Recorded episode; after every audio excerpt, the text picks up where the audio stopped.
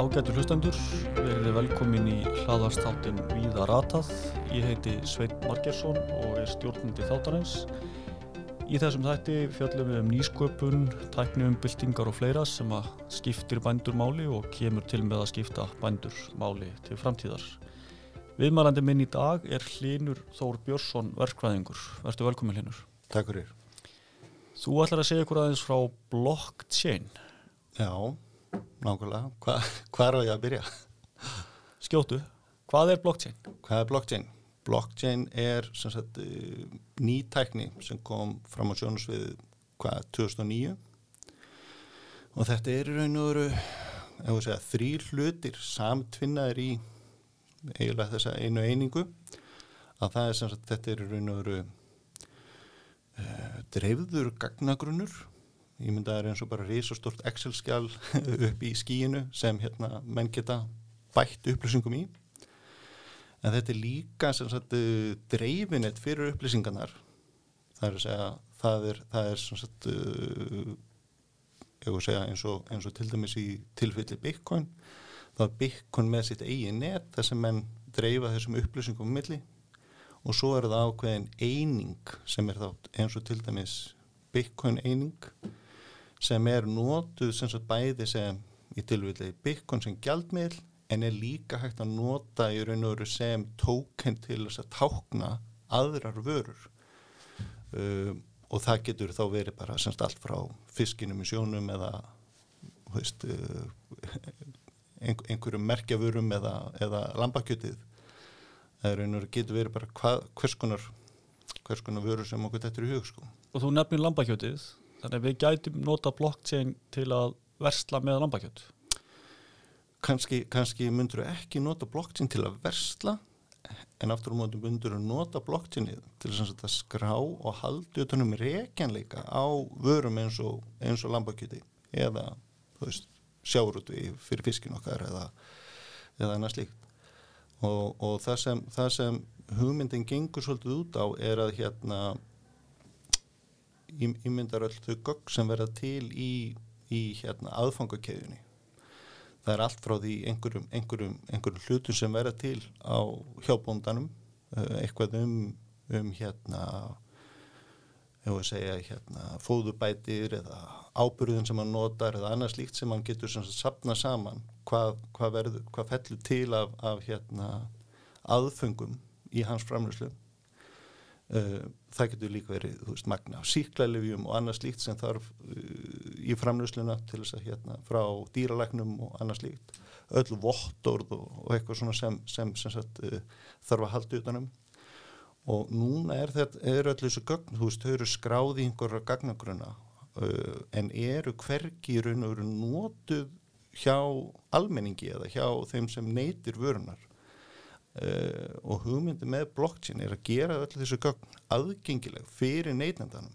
Þannig að þegar hann ætlar að kaupa sér e eitthvað, eitthvað la lambalæri eða eitthvað slíkt að þá gæti hann séð allt um uppröðunum vörunar uh, hvernig hvað hann var slátra frá, til dæmis frá hvaða bónda þetta kemi eða landsluta uh, hvort það var notið síklarli við annað þó svo það sé kannski ekki algengt hérna á Íslandi þá er það náttúrulega mjög algengt í hennu stóra heimi að síklarli verður notið í matvaraframslu uh, eh, menn getur viljað halda utan á kólefnisfótspor á vörunni uh, og svo líka kannski bara eftir að, eftir að hérna, sláturinn og annað er lokið að þá viljum enn kannski halda utan um hérna, hítasti á vörunni meðan á geimslutíma uh, með, já, stendur Þannig að það eru alls konar slíkur upplýsingar sem kannski sko neytandin vil vita hvort að varan hafi verið kæld allan tíman, kolumnusfótsporið, síklarleif.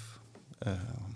Þannig að segjum, nú er dóttin mín í, hagaskóla og vinkona hennar er í, í tíundabökk og í þeim bekk eru, eru þrjár stúlkur eftir í bekknum sem borða kjött að einhverju leiti vegna þess að, að fjölmila um aðan dýnur áðum um að kjöttnisla sé ekki af hennu góða og annað slíkt gætu í rauninni verið upplýsingar þá á blockchain frá segjum íslenskum bonda sem síndu fram á raun umhverjus áhrif af vörunni hvernig dýravelferð hefði verið og annað slikt og, og þá í rauninni uh, þessir neytendur eða þessir, þessar stúlkur getur spurt blockchain í rauninni hvað var að gerast.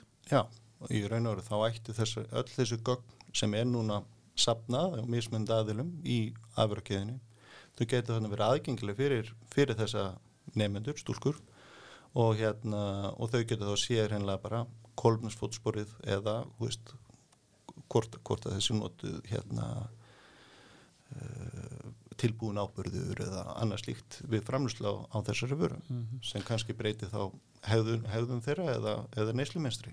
Þannig að einhverju leiti er þetta að koma svona til hlýðar við og jafnvel uh, að leysa af hólmi svona vottanir.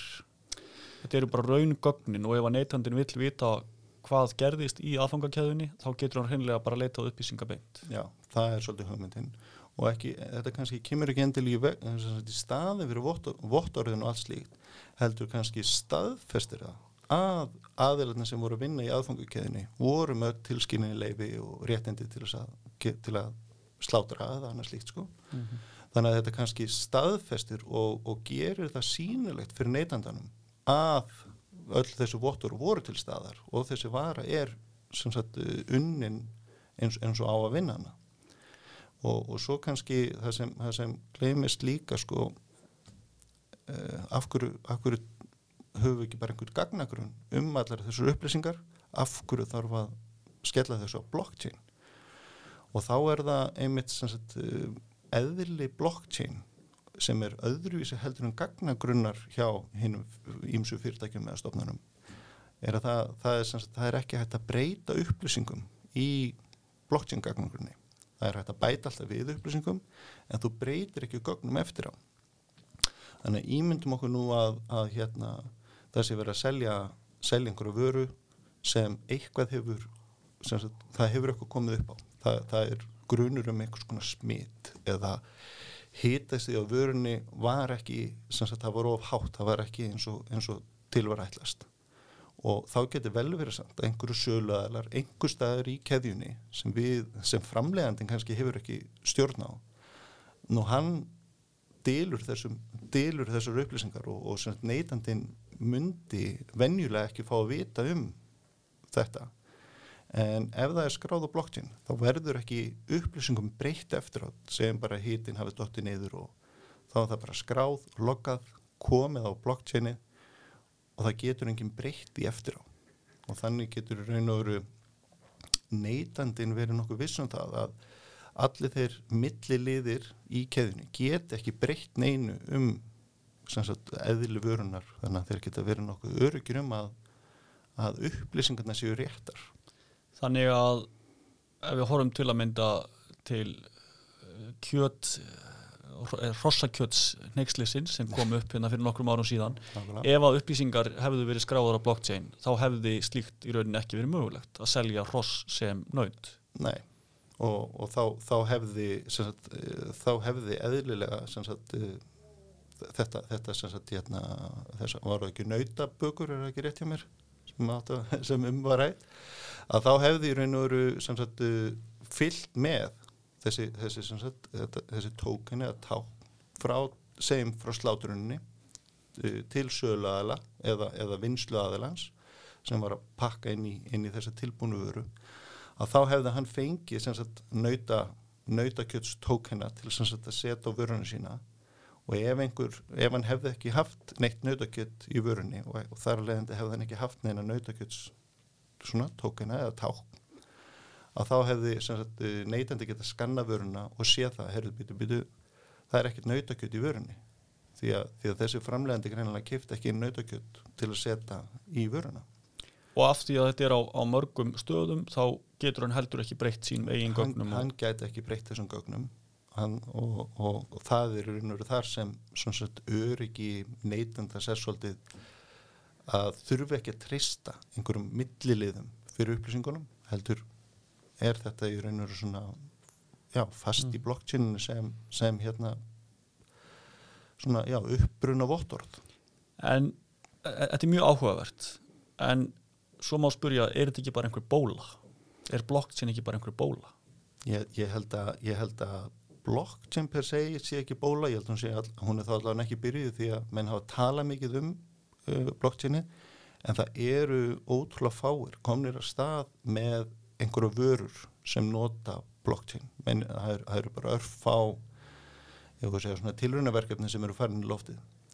Þannig að ég held að, ég held að við séum ekki komnir á neitt, neitt bólustað, menn eru bara búin að sjá hvernig teknin virkar og hvaða möguleikum hún hefur í sagt, fram að færa en þá er hennur eftir að hérna, koma þessu svolítið í framkvæmt.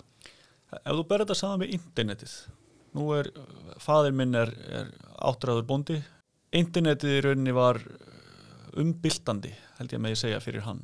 Heldur að blockchain geti verið jafn umbyltandi fyrir íslenska bændur til framtíðar? Ég, ég held að blockchain verði umbyltandi ekki bara fyrir íslenska bændur, bara fyrir, fyrir alla framleiðslu og og allstaðar það, það sem við munum vera sísla eitthvað með vörur þar sem okkur andum upprönu vörunar reginleika eða að, að, að gögn um vörunar séu sagt, eh, staðfest hvort sem það eru votanir eða annað slíkt sko.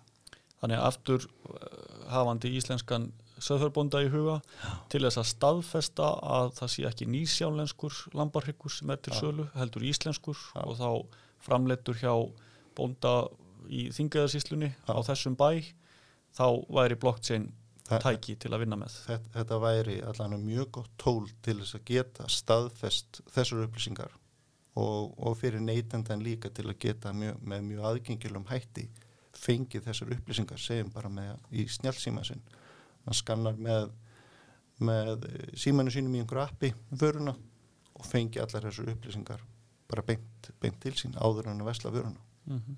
Nú ert þú sjálfur að vinna með blockchain, ekki satt? Getur þú satt okkur aðeins að því sem þú ætti að gera? Uh, ég er nýlega búin að stopna fyrirtæki, Balkar.is, það sem við hérna, já það er tvent sem við gerum þar, það er annars vegar að síslegans með gerfigreind í viðskiptum með, með Bitcoin og svo hins vegar að reyna að koma á, á legg blockchain verkefnum uh, og erum í raun og veru að leita, leita svolítið að hérna samstagsæðalum til þess, að, að byrja með svona tilhörunarverkefni til að skrá upplýsingar um vörur á blockchain. Þannig áhuga samir bændur sem að myndu vilja koma sínum upplýsingum á blockchain uh, samhliða því að selja hvaða vöru sem er, Já. hvort það eru róur, agurkur, lambakjöt eða hvaða nú er, þeir getur í rauninni sett sér í samband við þig. Já, það, það væri bara aðeinslegt sko. Og, og hvað myndi þá gerast? Segjum nú að, að ég sé garðjörkjubondi, mm -hmm. hvað myndi ég gera og, og hvað myndir þú gera? Já, það, það, sem, það sem við byrjum að gera, það er raun og vera að skoða sagt, hvaða gögn eru til staðar í umvöruna, hvort sem það er hjá bondanum sjálfum eða einhverjum miðlagum aðilum, uh, heilbriðisvottorð eða dýralegnar eða, eða alls konar gögn hjá þessum aðlum sem koma að þessar aðfangakeði, sláturhúsunum, annars slikt. Það þarf að greina í raun og hvaða upplýsingar viljum við safna saman og sagt, hefur það einhverja þýðingu fyrir neytandan að þetta sé skrásett eða ekki.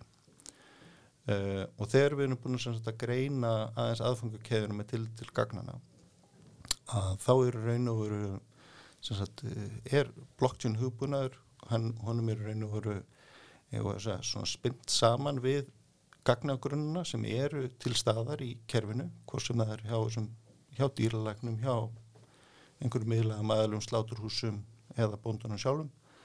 Og í raun og veru les hugbúnaður, þessi blockchain hugbúnaður, þessar upplýsingur úr kerfunum og skráir á blockchaini eh, það sem ger síðan er í raun og veru að, allir aðilar sem taka við vörunni og sagt, eh, nýta hann á einhvern nátt segjum bara kaupi kjött og, þú býr til fullbúna einhverja rétti eða eitthvað slíkt sko að þá, þá myndir þú taka við blockchain tókonum á sama tíma og þú tekur við vörunni sjálfri. Og þá, skráir, þá skráist þessi afhending eh, í blockchainu líka nú þú meðhandla vöruna á einhvern hátt sem, sem, sem bætir í alls konar íhlutum pakkarinn fullbúna umbúður og annað slíkt. Og svo áframsendur þú núna fullbúna vöru til segjum bara í stórmarkað. Uh, að þá afhendur þú tókunin til næsta aðela þannig að þú afhendur alltaf þú afhendur raunvöruna þá afhendur líka tókunin og alla þar upplýsingar sem hafa gerst hjá þér og svo endanum þegar neytandin hérna ætlar að kaupa þetta út í, út í búð að þá hann geta bara skannað skannað þessa vörur með snjálfsíma og færa allar upplýsingarnar um sem, sem við greindum fyrr að, að væri æskilegar að skila til enda, endakunans og, og þá fær hann alla, alla myndin af framlöslinu. Og bændur gætur einni ákveð meir og minna hvaða gögna eru sem þeir sapna og hvaða upplýsingum þeir eru einni miðla áfram. Já, en það, en það sem búndin hann sapnar þeim gögnum sem eiga sér stað hjá honum en síðan er, kannski, síðan er næsti aðil í keðinu, hann er sjálfstæð einu gúta fyrir sig, hann tekur völlum þeim gögnum frá bóndanum og þau gögni eru bara áfram á blockchaininu en hann bæti núna við einhverjum upplýsingum. Því hann er að fullvinna vöruna eða, eða eitthvað slíkt sko þannig að það bætist alltaf í upplýsingar í keðjuna sem síðan eh, neytandin á endanum getur skannað og, og séð alveg til upprannars Má sjá fyrir sér segjum að bóndi vildi vita hvernig líkaði neytandanum kjötið mitt? Væri möguleiki að upplýsingar getur flætt tilbaka Já það er, það er inn, í, inn í þessum kjörum það sem, það sem menn hafi verið leikað sem með er, er einmitt svona upplýsingar einhver svona ákveðin like eða, eða eitthvað slíkt, einhver stjórningu en, en svo er líka aðrir aðeins sem hafi verið að leika sem með, með þessa mótjúla til þess að tvinna líka inn í hérna pantanakerfi og annað slíkt. En, en það er í raun og kannski aðeins fyrir utan, utan blockchain partin sjálfan. Mm -hmm. En segjum fyrir sveitafélag sem að er að reyka skóla og uh, það er bóðið upp á matur héræði í, í mötunetinu þá væri rauninni hægt að sapna upplýsingum um hvernig líkaði nefndunum við matinn og þá í rauninni að koma með eh, svona endurgjöf til viðkomandi bænda. Gæti gert það. Það væri, það væri minnst að mála að skila þenn gögnum tilbaka.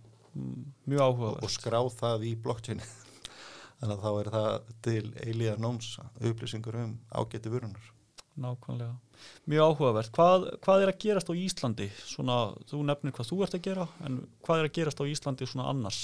Herðu, ég hérna, sko, það er, það er náttúrulega tengt þessu er mjög mikil sem, sem fer á milli tannan á fólki, það er e, námuvinslan námuvinslan er svona þessi staðfesting á þessum upplýsingum sem flæða þarna milli, hvort sem það er fyrir Bitcoin eða aðrar svona bálkakeður eða blockchain tókuna það er nú kannski það sem, það sem fer kannski mest í, ég sé, eða mest talað um, það er þessi námuvinsla uh, síðan, já, ég myndi segja það. Þetta er svona þessi það sem er aðalatri í gangi dag í þessum blockchain heimi hérna á Íslandi.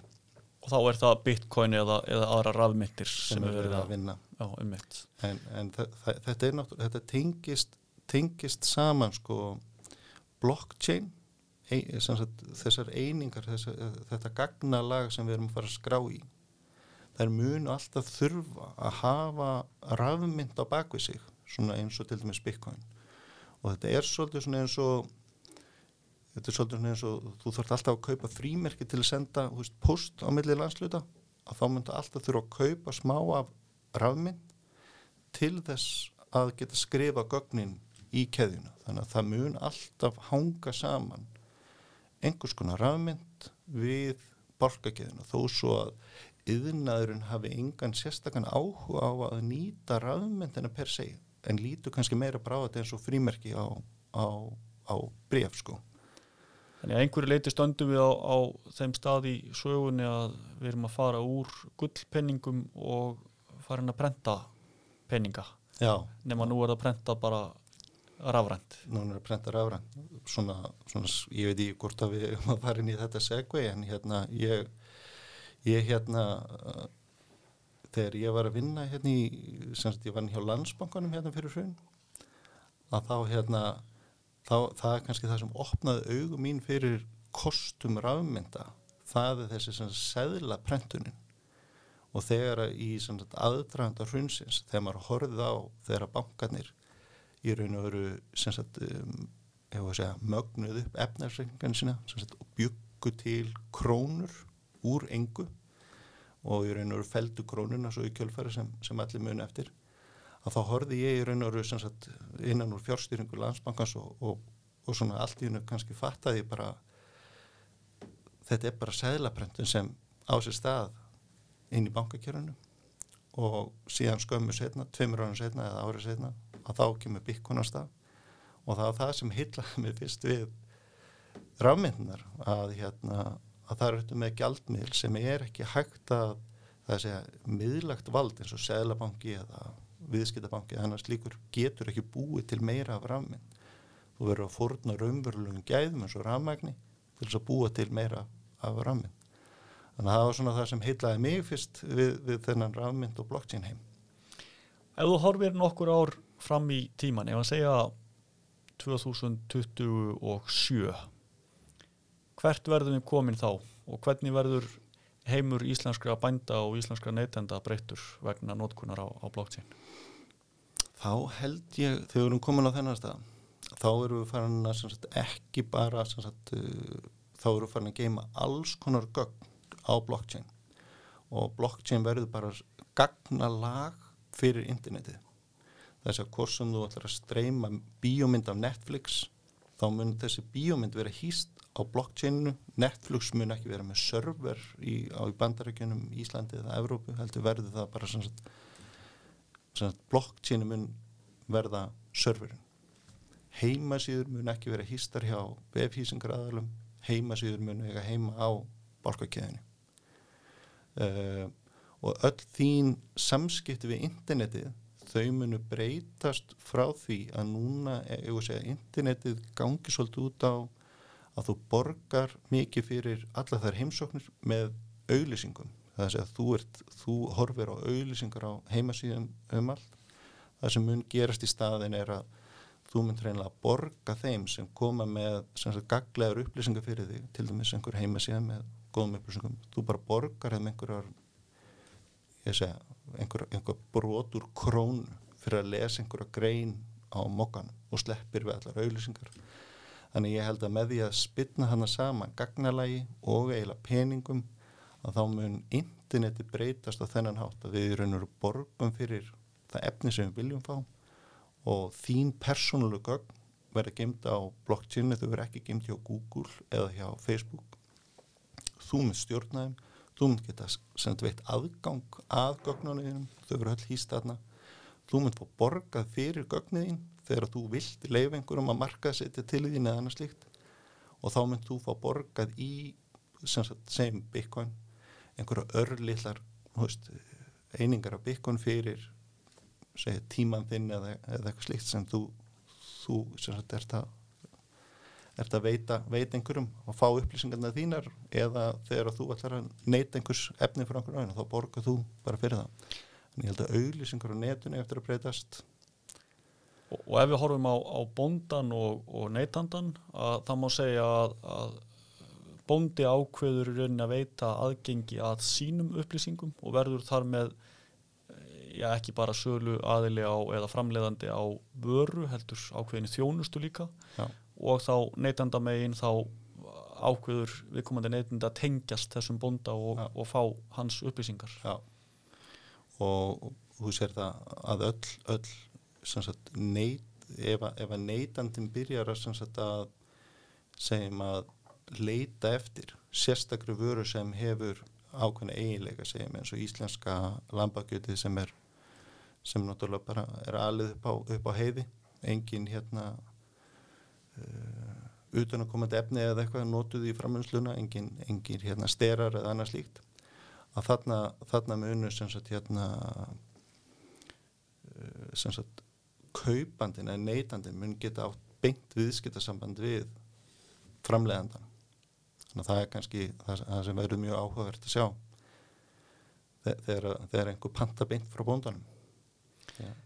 Þetta er mjög áhugaverð framtíðasín einur ég held við séum orðin talsvett fróðar um blockchain og þessa möguleika sem að, sem að liggja í blockchain. Eitthvað sem þú vilt bæta við í restina? Nei, ég held að það sé bara já, það eru spennandi tímar framöndan í þessu. Þetta er náttúrulega fyrir mér er þetta svolítið, þetta er svolítið eins og internetið 1993 þegar við rétt svo þekktum e-mail og einhverjar tveið-þrjár heimasýður og svo frá 1993 þá sjáum við hvað internetið breyttist ótrúlega mikið. Ég held að við höfum til að sjá annars líkt sem gerist sem sagt á blockchain. Virkilega áhugavert. Takk fyrir þetta Linur og við fylgjumst bara spennt með. Ég heiti Sveit Margersson og uh, núna líkur þessum þætti aðvarpsins víða ratað. Takk fyrir mig